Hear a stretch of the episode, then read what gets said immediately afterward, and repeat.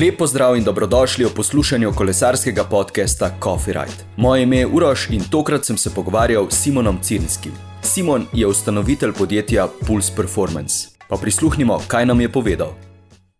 Takole, tukaj z mano sedi Simon Cirnski. Eh, Simon je lastnik eh, podjetja, oziroma eden izmed lastnikov podjetja Pulse Performance. Sem prav Tako- ste tako je, ne? tako je. Okay.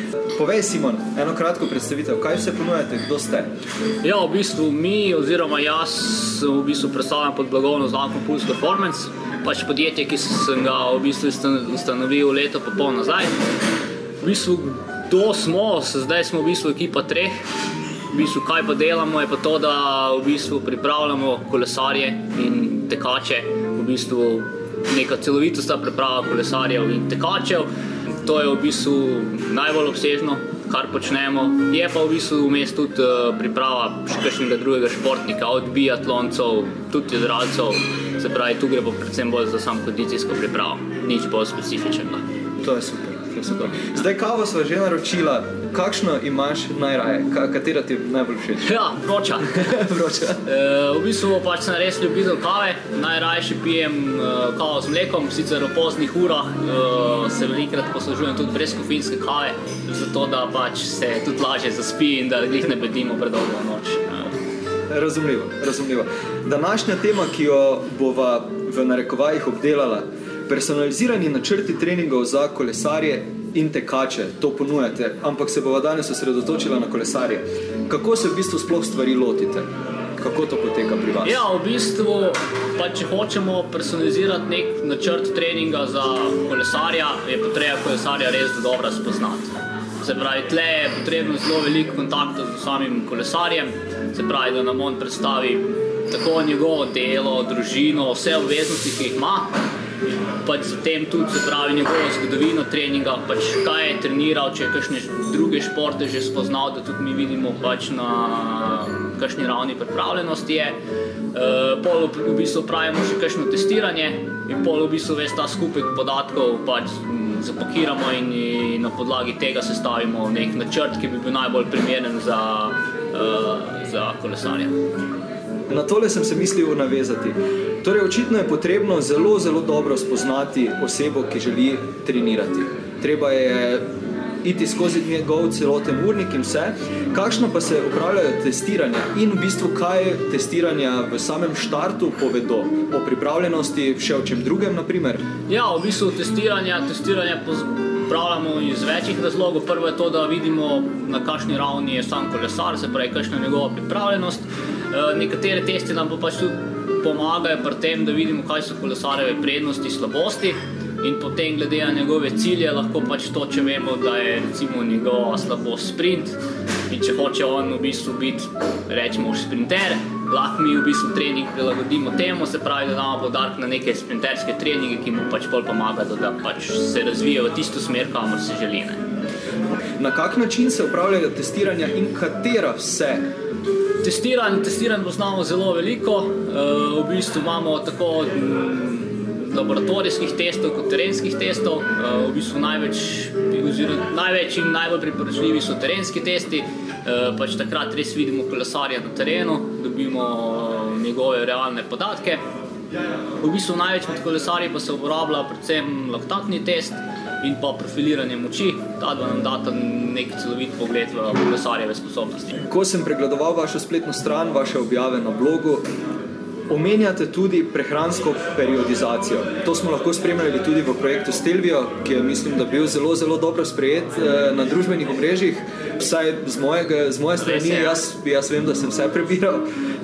Kako se tega lotite, oziroma v primeru, da s kolesarjem niste v stiku in ne veste točno, kako se odziva, oziroma se bo odzivalo njegovo telo na zastavljen načrt? Kako v bistvu to, to poenotite, od, poenotite, ja, uskladite? Ja, sedaj pač, ko se pripravlja ta načrt, je že tako, če v štartu dobro spoznamo kolesarja, je to skoraj pač brezpomensko, ker pač poznamo zakonitosti tako s prehrano kot uh, s treningom in tudi pri prehrani se pravi, vemo, kako, kako naj bi se telo nekega človeka odzvalo. Sigurno so izjeme, ampak pa, če spoznamo dobro človeka, to ni niti taka težava. Je pa tudi v, prehranski, v tej prehranski periodizaciji nekaj možnosti, se pravi, kaj narediti, če se telo odzove tako pa tako. Se pravi, imamo neke možnosti, ki so jih v določenih, v do, določenih primerih uh, se pravi, spremeni, zato da lahko se pravi, sami optimizirajo uh, se pravi, prehrano. Kaj, kaj recimo lahko predstavlja težavo pri tem in kak, na kak način se jo reši? Ja, na, na, najtežja, najtežja stvar tu je sigurno, da ljudje še zelo slabo poznajo prehrano, se pravi, kaj so beljakovine, kaj so maščobe, kaj so ugljikovi hidrati. In to je po mojem, se pravi, izbira prehrane, prehrane oziroma hranila, zato da zadostiš pogojem, ki so določeni v prehranski periodizaciji, mislim, da je še to v bistvu najtežje. Ostalo je dokaj razumljivo ljudem, potem pa vidimo ali pa hitro opazimo, da mogoče niti sami ne vejo točno, kaj je katero živilo. A, razumljivo. Ja. E, se, se s to težavo tudi e, soočate pri, pri treningih, e, da morda se, se kdaj ne ve točno, kaj je treba početi, ali pa se ne upošteva kakorkoli? Je, re, ja, tudi to se dogaja, predvsem pri poimenovanju treningih. Tudi v Sloveniji je veliko trenerjev, vsak uporablja malo drugačna imena in vsak na spletu prebere, kakšen trening je mogoče isto, ampak z drugačnim imenom. In pol je težava, ok, jaz sem zadnjič prebral, da trening uči je to, v bistvu je pa nekaj drugega. Tako da moramo v bistvu tudi sestavljeno načrto treninga upoštevati to, kako je se pravi kolesar seznanjen z tem žargonom kolesarskim, da se tudi navodila samega poteka treninga prilagodijo njemu. Ker če imamo kakšnega profesionalnega kolesarja, tu povemo pet številk, pa tri besede in se bo vedelo, zakaj se gre. Pri nekih kolesarjih, ki so pa na začetku, je pa treba to zelo upisno pač sestaviti, zato da si kolesar prebere eh, in lažje razume, kaj je namen treninga in kako ga opraviti. V prejšnjem podkastu sem s Tadejem govoril o treningu z utežmi za kolesarje. Ga tudi vi vključujete v svoje načrte treninga ali so treningi zgolj sestavljeni iz, eh, v bistvu, vključujejo zgolj kolesarjenje?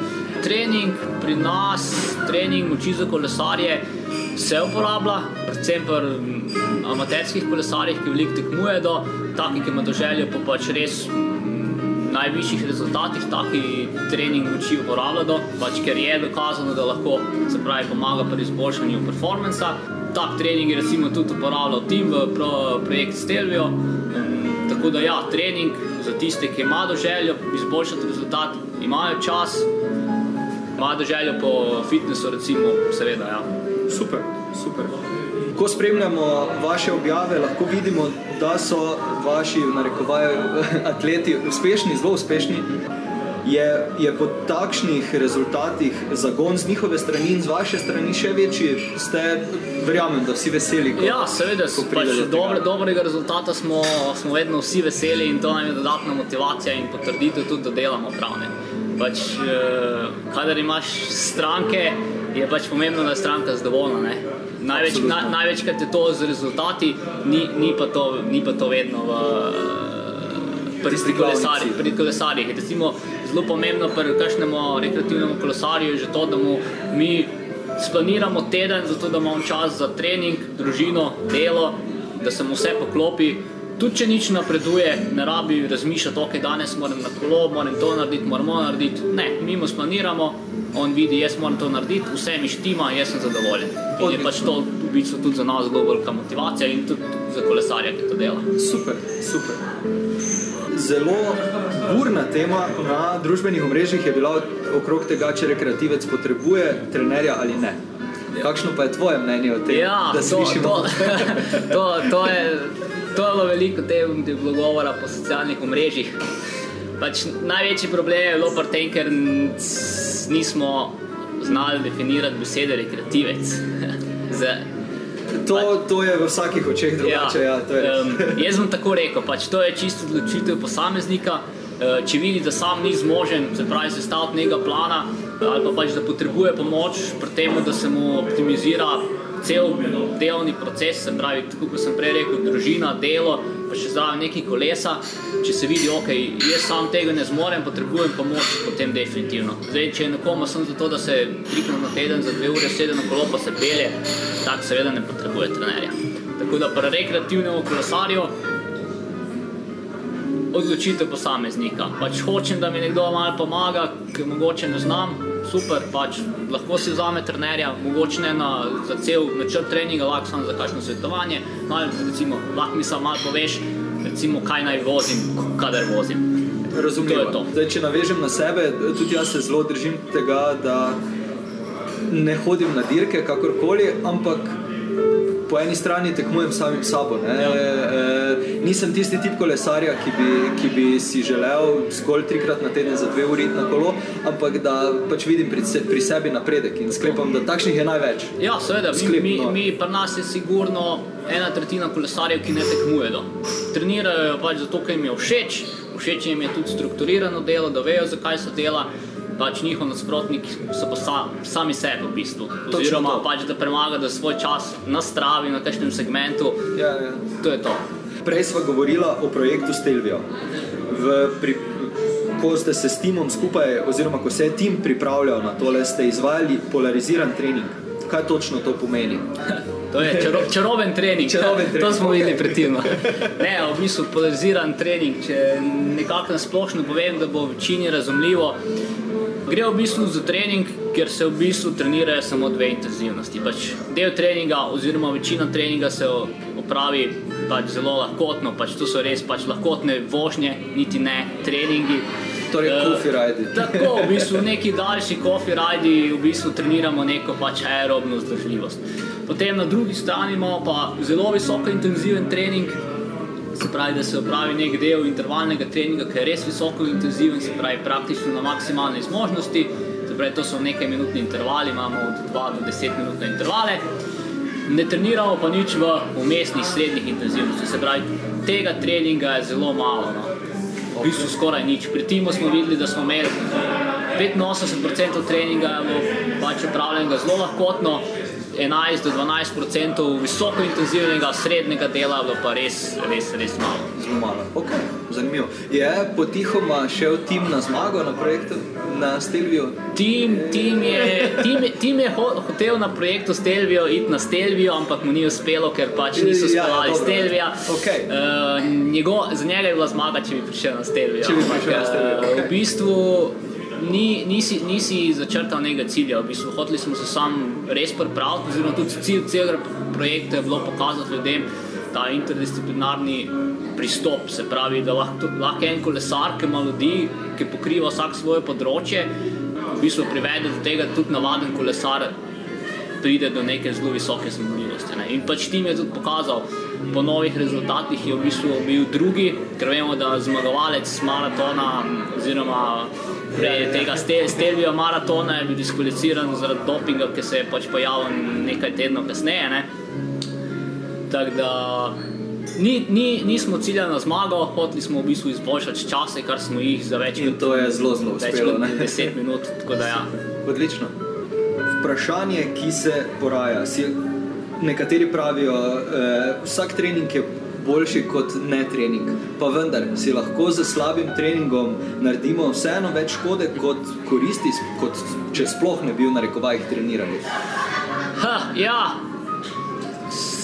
To je zelo tako, tle bi bilo treba pogledati veliko stvari, da bi videli, kaj, kaj je lahko šlo na robe, kaj ni šlo. Ampak definitivno, definitivno opažamo med kolesarji, da, da dela do neumne treninge. Pač, Zapračujem na izraz, ampak to besedno neumne. Se pravi, brez glavo odirjanje vsak dan, brez, brez nekih recimo, počitkov, ker misli, da okay, moram bolj trenirati, da bom boljši.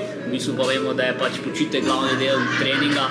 E, tako da definitivno si lahko s treningom ali pa preveč treninga oziroma neumno neumnim treningom škodujemo. Pač to vidimo pri kolesarjih, ki brez glave trenirajo, trenirajo, trenirajo, pa še po možnosti zelo intenzivno in prije do pretreniranosti. S takimi smo imeli že kar nekaj, ali pa že kar, rekel, deset, v zadnjih dveh letih sem sigurno srečal desetke kolesarjev, ki so imeli težave s treniranjem. Tudi sam tim je pred, preden smo začeli projekt Stelju, je samo opazil, da se mu vedno to zgodi, da pač trenira, trenira, pa rata pretreniran.